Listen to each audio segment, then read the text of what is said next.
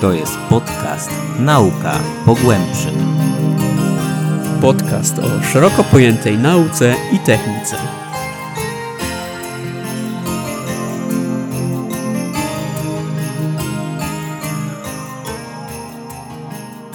Wiesz co? Dostałem ostatnio maila, maila z platformy Apple Podcasts, Mhm. który poinformował mnie, że nasz podcast świetnie sobie radzi w Uzbekistanie. O, czyżbyśmy byli jednym z najpopularniejszych podcastów wśród Uzbeków? Nie sprawdzałem tego dokładnie, ale w mailu napisali, że jesteśmy w top 15 podcastów popularno-naukowych w Uzbekistanie w tym miesiącu.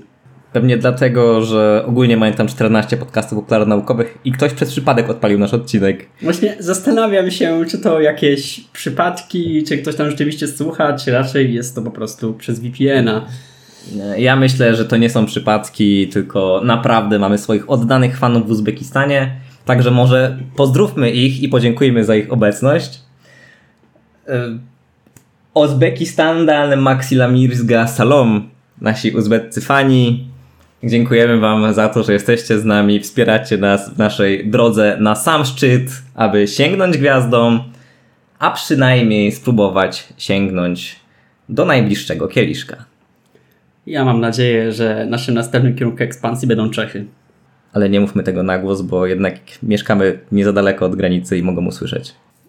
A jak już jesteśmy przy Uzbekistanie, no to tak się składa, że jest też jednym z krajów, który kiedyś słynął z całkiem sporych złóż uranu. To całkiem dobrze się składa, bo łączy się to oczywiście, jaki przypadek z naszym dzisiejszym No, któż by odcinkiem. się spodziewał? A o czym będziemy rozmawiać? No, tak jak pewnie wszyscy zdajecie sobie sprawę, w ciągu ostatnich tygodni istnieje w sieci internetowej wręcz szał na punkcie tak zwanego Barbieheimera. Przy czym my skupimy się za to na tematach bardziej naukowych i też, uwaga, nie na tym, jak lalka Barbie powstała, ale na tym, jak tak naprawdę doszło do projektu Manhattan, o którym opowiada film Oppenheimer.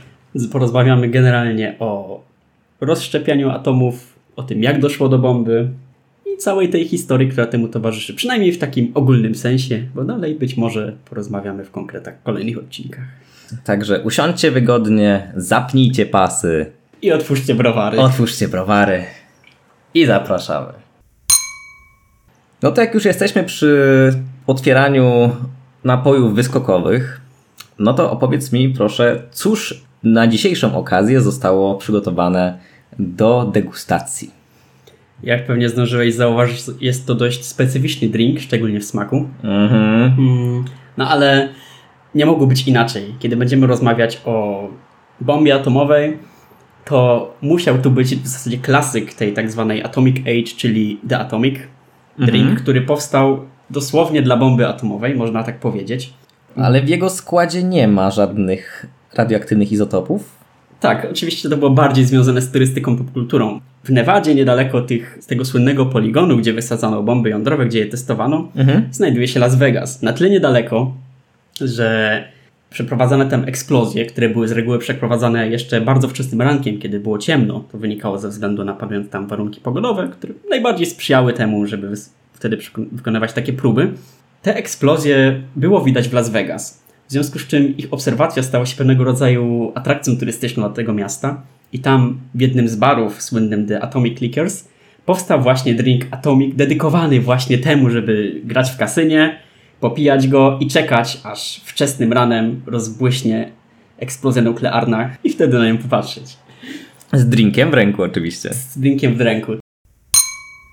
No i właśnie dobrze, że wspominasz o tym, że stanowiło to taką atrakcję, ale zanim tak naprawdę zbudowano bombę atomową, ludzkość musiała przejść ponad 2000 lat rozważań, badań i różnych eksperymentów, które poszerzały naszą wiedzę na to, jak tak naprawdę zbudowany jest nasz wszechświat. 2000 lat temu już ktoś myślał o atomach. Otóż, może to niektórych zaskoczy, ale tak się składa, że już w starożytnej Grecji tacy myśliciele jak Leucypiusz czy Demokryt dywagowali nad tym, jak może wyglądać tak naprawdę materia i z czego się składać. Wydaje mi się, że nawet któryś z tych takich bardziej znanych filozofów rozważał na ten temat. Pewnie masz na myśli Arystotelesa. Tak, tak, dokładnie jego. Ale co ciekawe, teoria Arystotelesa właśnie zaprzeczała teorii Demokryta, który był o wiele bliżej tego, co znamy obecnie. Właśnie Demokryt w swoich rozważaniach opisywał, że materia składa się z pewnych niepodzielnych, malutkich elementów, cząsteczek, zwanych atomos, które po grecku oznacza niepodzielny. I różne rodzaje materii, czyli wiesz, na przykład y, coś metalowego, jakieś drewno, jakaś ceramika, składają się z różnych kombinacji tych atomos. Ta idea wręcz już gdzieś z tyłu podświadomie zakładała, że rzeczywiście być może istnieje coś takiego jak pierwiastki chemiczne, które składają się z różnych kombinacji jeszcze mniejszych cząsteczek. Właśnie to mi się nasuwa, że to brzmi już bardzo podobnie do naszej wiedzy dotyczącej pierwiastków. Ale niestety, jak w wielu przypadkach w historii, jako że Demokryt był o wiele mniej znany niż wielki, potężny Arystoteles, no to jego teoria utknęła, została zamieczona pod dywan i głośno wybuczana na greckim rynku. Otóż Arystoteles twierdził, że materia jest ciągła i jednolita, a nie zaś składająca się z mniejszych elementów, a budują tą materię cztery żywioły: ogień, ziemia, powietrze, no i woda. E, znaczy woda. I tak naprawdę ponowne badania na temat struktury naszej materii i tego, jak ona wygląda w rzeczywistości, rozpoczęły się dopiero na poważnie po 1800 roku naszej ery, czyli praktycznie 2,5 tysiąca lat. Wszyscy twierdzili, że okej, okay, to co mówił Arystoteles to jest spoko, my się na to zgadzamy, nie ma nic mniejszego, drewno to drewno, węgiel to węgiel i w ogóle nie wchodzimy w szczegóły, tak jest, nie? On był mądry. No był, jakby ciężko No był mądry, no ale jak widać akurat a propos materii i fizyki atomowej, to niestety takiej wiedzy nie posiadał. No i czekaliśmy, aż narodził się on, John Dalton. Ponownie odkrył on teorię Demokryta i poprawił ją trochę o bardziej nowoczesne obserwacje, dodając do niej, że rzeczywiście pierwiastki, które budują materię, składają się z niepodzielnych atomów, które są różne dla różnych pierwiastków. I doszedł on do swoich odkryć poprzez różne eksperymenty z gazami, takimi jak tlen czy wodór, Ponadto odkrył także, że atomy te różnią się masą i rozmiarem, aczkolwiek założył, że są niezniszczalne, co przy naszej obecnej wiedzy, która zakłada już, że mamy cząstki subatomowe, no niestety jest już e, nieistotne, nieprawdziwe. Nieprawdziwe, tak, jest już nieprawdziwe. No ale potem znowu jego teoria przez 100 lat sobie radziła bardzo dobrze, aż przyszedł kolejny pan w tej całej naszej zabawie i drodze ku zrozumieniu atomu. Nazywał się J.J. Thompson, niczym jakiś raper. Na szczęście wtedy jeszcze nie było rapu. Ponieważ no, był to nie byle kto, a odkrywca elektronu. Eksperyment wyglądał tak, że on miał taką żarówkę, która była no prawie, że napompowana to próżnią. na fizyce. Tak. Tak, okej. Okay. Tak, tak, tak, bo to właśnie jest katoda. To jest taka katoda właśnie, okay. promień katodowy tak się nazywa. Że właśnie jest, praktycznie tam jest prawie próżnia, ale jednak jest trochę powietrza i pod wpływem odpowiedniego napięcia pądu elektrycznego tam zaczyna, no się jonizuje ten gaz i po prostu jest przepływ. Mm -hmm okay. w, tej, w tej katodzie. No I oni nie wiedzieli, co to jest tak naprawdę. A on wpadł na taki eksperyment, że dobra, to w takim razie on będzie chce sprawdzić, jaki znak ma to coś. W sensie, że to mogą być jakieś cząstki i one mogą być jakoś naładowane. Mm-hmm. I on właśnie ułożył e, właśnie płytki, które była jedna naładowana dodatnio, druga ujemnie okay. po przeciwległych stronach tej żarówki. No. no i właśnie widział, że rzeczywiście ten strumień się odchyla ku tej płyty naładowanej dodatnio. I w ten mhm. sposób potem po obliczeniach doszedł do tego, że to muszą być właśnie elektrony. No i też on wtedy wyliczył e, masę tego elektronu, no i to, że elektrony ponadto powinny się znajdować we wszystkich atomach. Czyli jest to coś, co jest podstawowym budulcem naszego wszechświata. Ciekawe, że do tego też doszedł, no ale w sumie no, był on dosyć łapski jak na, swój, jak na swoje czasy. No i właśnie on zaproponował ten model materii, który mi się zawsze bardzo podoba na fizyce, czyli tak zwany model puddingu z rodzynkami. No tak. Czyli to, że mamy elektrony, które są zawieszone w pewnej chmurze pozytywnej energii. E, czyli pozytywnego ładunku rozproszonego po właśnie całej objętości tego atomu. Dzięki temu jest on stabilny. No okej, okay, ale musi być jakaś takie lepiszcze, które to łączy ze sobą, nie? No i do tego doszli o wiele, wiele później, bo odkrycie protonów i neutronów na, nastąpiło później. I właśnie następnym przełomem były eksperymenty Ernesta Rutherforda, który odkrył proton. A Mhm. odkrył go w ten sposób, że bombardował dodatnimi cząsteczkami alfa, które teraz już wiemy, że to są po prostu e, naładowane dodatnio jądra helu, bo to są dwa protony, dwa neutrony. Oni wtedy po prostu wiedzieli, że to są cząstki alfa i tyle. Okej, czyli cząstki I są pozytywne. To są tetrahely, tak? Tak, ale bez elektronów. Dlatego są naładowane e, 2+. Ciekaw jestem, jak się je uzyskuje, ale to chyba w sumie nie jest temat tego odcinka. co? Nie, raczej nie, ale możemy kiedyś pomówić sobie o jonizacji, o tym jak, właśnie, jak się właśnie wytwarza e, różne rodzaje takich właśnie No jonów. jasne. bo to się mocno przydaje, tak naprawdę jest wykorzystywane w technologii na co dzień. No i właśnie bombardował tymi dodatnimi cząsteczkami alfa złote folie. Mhm. I zauważył, że gdyby tam w tych foliach nie było nic, tak? Gdyby po prostu mieliśmy chmurę elektronów, też elektrony malutkie i chmurę tej pozytywnej energii, e, Tej energii, tak. to te nasze cząstki alfa nie powinny się od niczego odbijać. Ale okazało się, że czasami, raz na tam wiadomo kilka milionów zliczeń, niektóre z nich odbijały się pod bardzo dużymi kątami. Co oznaczało, że prawdopodobnie w tej folii znajduje się coś, co ma bardzo dużą masę, ale skoncentrowaną w bardzo małej przestrzeni. I to taką Mhm. masę, która jest w stanie odbić do- dodatnio naładowane cząstki, czyli prawdopodobnie też jest naładowane dodatnio. No i wywnioskował po tych eksperymentach istnienie dodatnich jąder. No i zaproponował już wtedy poprawioną teorię a propos struktury atomu, czyli że mamy dodatko, dodatnio naładowane jądro, a wokół niego krążą sobie elektrony. No i potem znowu kolejną osobą na naszej ścieżce był Niels Bohr, czyli słynny holenderski fizyk. By the way, też e, chyba jeden z bohaterów e, filmu Oppenheimer i No jeden z osób, które brał rzeczywiście udział w projekcie Manhattan. On był że, mocno związany z tymi projektami. On był Holendrem mi się wydawało, że był Duńczykiem.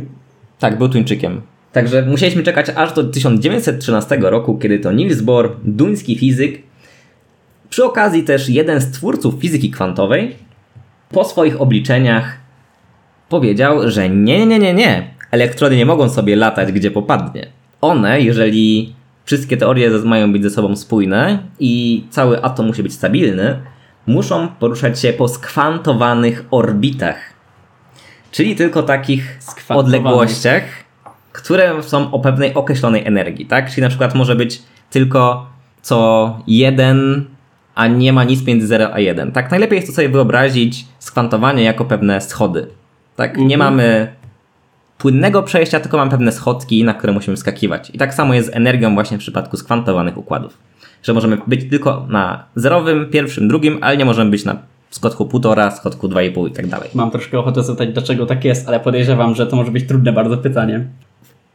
Jeżeli byś się zadał, musiałbym teraz ci wyciągnąć e, ogromną tablicę, a najlepiej 50 i poprzeprowadzić cały wielki wywód a propos podstaw fizyki kwantowej. Zostawmy to na inny odcinek. Tak, na, na, na wieczór, na jakiś miły wieczór. No jakiś miły wieczór. Także jakby jego teoria e, a propos budowy atomu już zakładała rzeczywiście, że no mamy ten proton, mamy elektrony, ale elektrony są już na pewnych orbitalach. No i potem kolejny przełom. No to był oczywiście mój ukochany absolutnie naukowiec, czyli Erwin Schrödinger, słynny pan od kotów, który jeszcze bardziej rozwinął fizykę kwantową.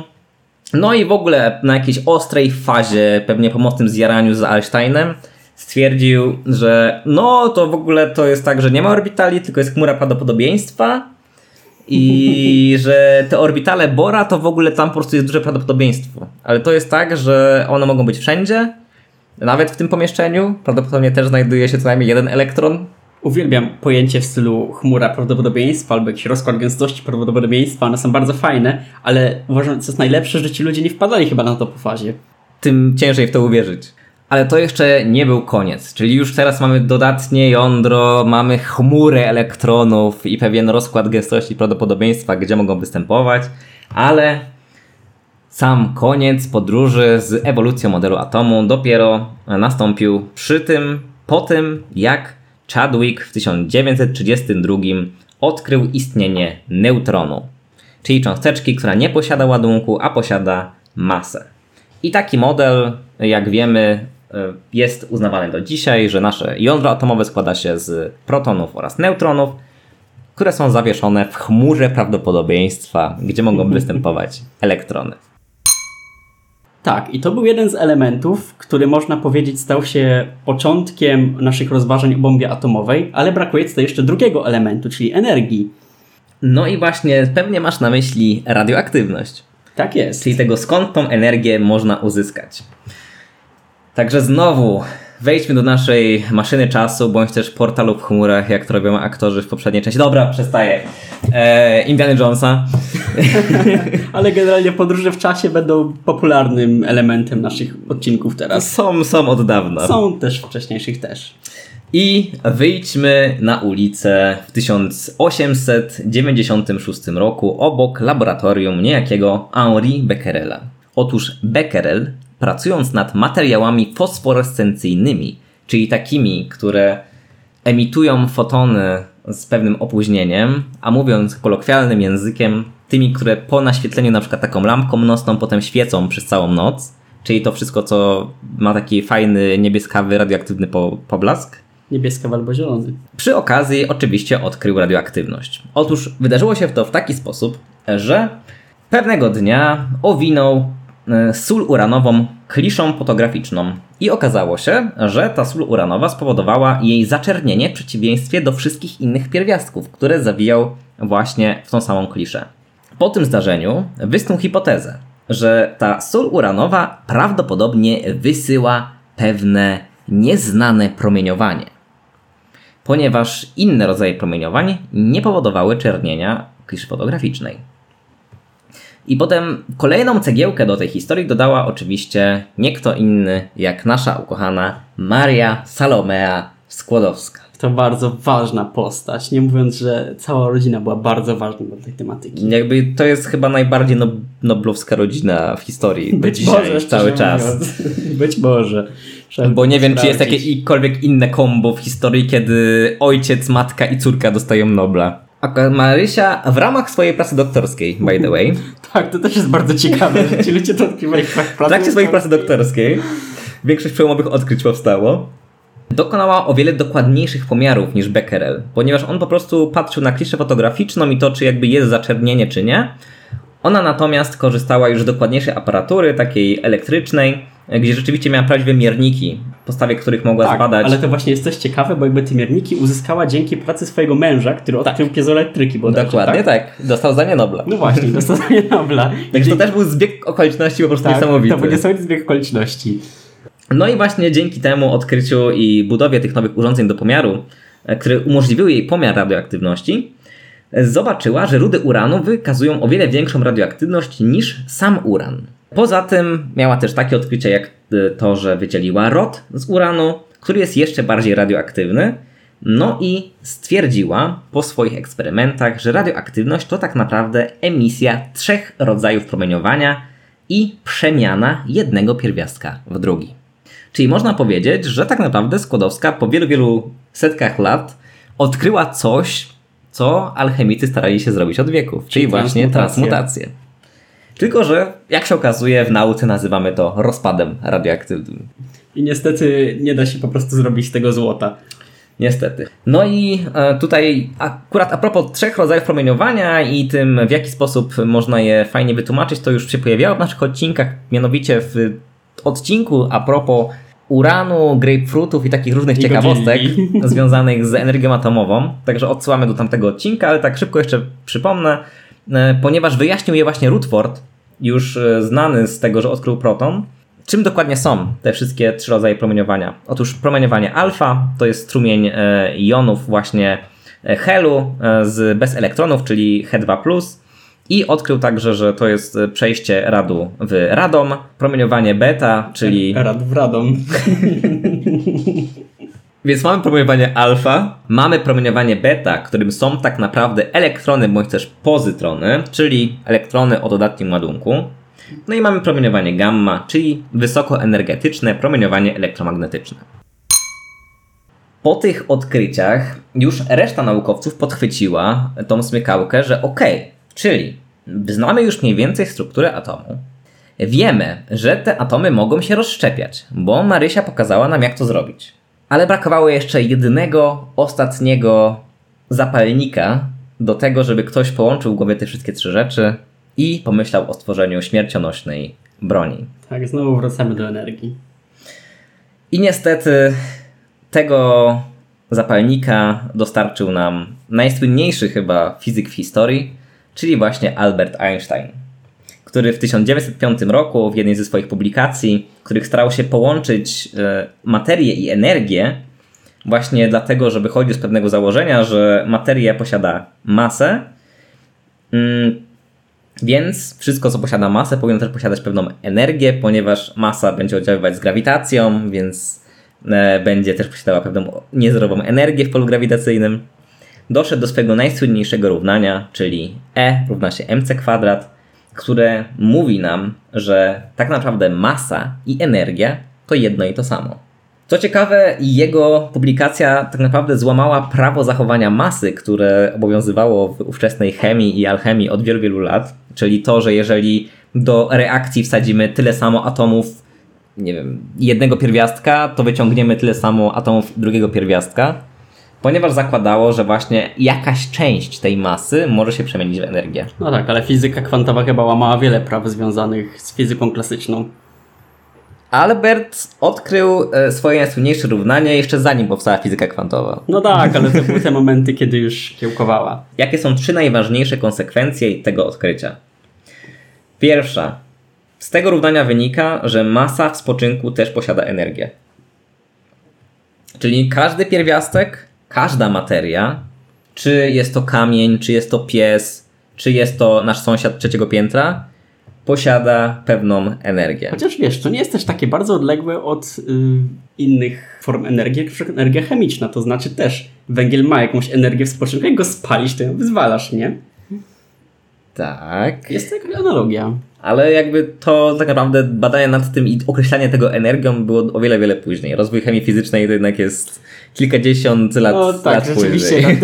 nie mam pojęcia, kiedy to określono. Znaczy wiedziano, wiedziano, że tak to działa. Jak spalić drewno, to jest energia. Tak. Drewno, tak. tak. no ale jakby nie wiedziano jeszcze jak to działa, tak? Po prostu pewnie myśleli, że po prostu to jest pewna przemiana, ale że tyle samo, nie wiem, atomów, e, tyle samo atomów drewna zamienia się w atomy gazu tak czy jest, ognia, nie? to sprawdzić. Trochę, trochę właśnie pod tym kątem. No i tak, więc pierwsze to była ta, że masa spoczynku ma energię. Drugie i najważniejsze dla naszego odcinka, że masa może być zamieniana w energię. I trzecie, z punktu widzenia nauki najbardziej przełomowe, że energia może być zamieniana w masę. Na przykład z jednego kilograma masy można uzyskać energię 21 megaton dynamitu. Czyli tak naprawdę Einstein swoim odkryciem pokazał, że ej ludzie, troszeczkę możemy tak naprawdę zabawić się w Boga i sami tworzyć materię. Więc jego odkrycie tak naprawdę spowodowało wszystkie, całe szeregi badań na temat odtwarzania nowych pierwiastków i właśnie szukania nowych stanów materii i nowych rodzajów materii we wszystkich wielkich zderzaczach cząsteczek, akceleratorach cząstek itd., tak itd. Tak Ponieważ już dzisiaj wiemy, że no, miał rację oczywiście i rzeczywiście jesteśmy w stanie wytwarzać materię z energii, ze zderzania się fotonów. Tak, co prawda jest to, nie jest to aż takie jakieś widowiskowe i przełomowe, jakby się wydawało. Znaczy przełomowe jest, ale nie jest to aż takie widowiskowe, że możemy stworzyć z niczego, dajmy na to blok albo drzewo oczywiście. Mm -hmm. Ale istotnie możemy wytwarzać nowe pierwiastki, które nie istniały w formie naturalnej na Ziemi. -hmm. I jest sporo takich pierwiastków. Jest. I właśnie jedną z osób, które wiele takich pierwiastków odkryła, był Enrico Fermi. Jedna z osób, która między innymi potwierdziła teorię Einsteina. Jego praca właściwie polegała na tym, że on bombardował znane już pierwiastki neutronami przez wiele, wiele lat. I w ten sposób Fermi odkrył 37 nowych radioaktywnych pierwiastków. Ponadto odkrył także coś bardzo ważnego dla twórców bomby atomowej. A mianowicie, że węgiel oraz wodór spowalniają reakcję rozpadu. No właśnie, Enrico Fermi to już jest jedna z postaci, która jest w zasadzie bezpośrednio związana z dążeniami do bomby jądrowej. Zresztą nie jest to pierwsza postać, która się tutaj pod tym względem przewinęła, bo wcześniej, wspomniany wcześniej tutaj Niels Bohr też miał swoje udziały.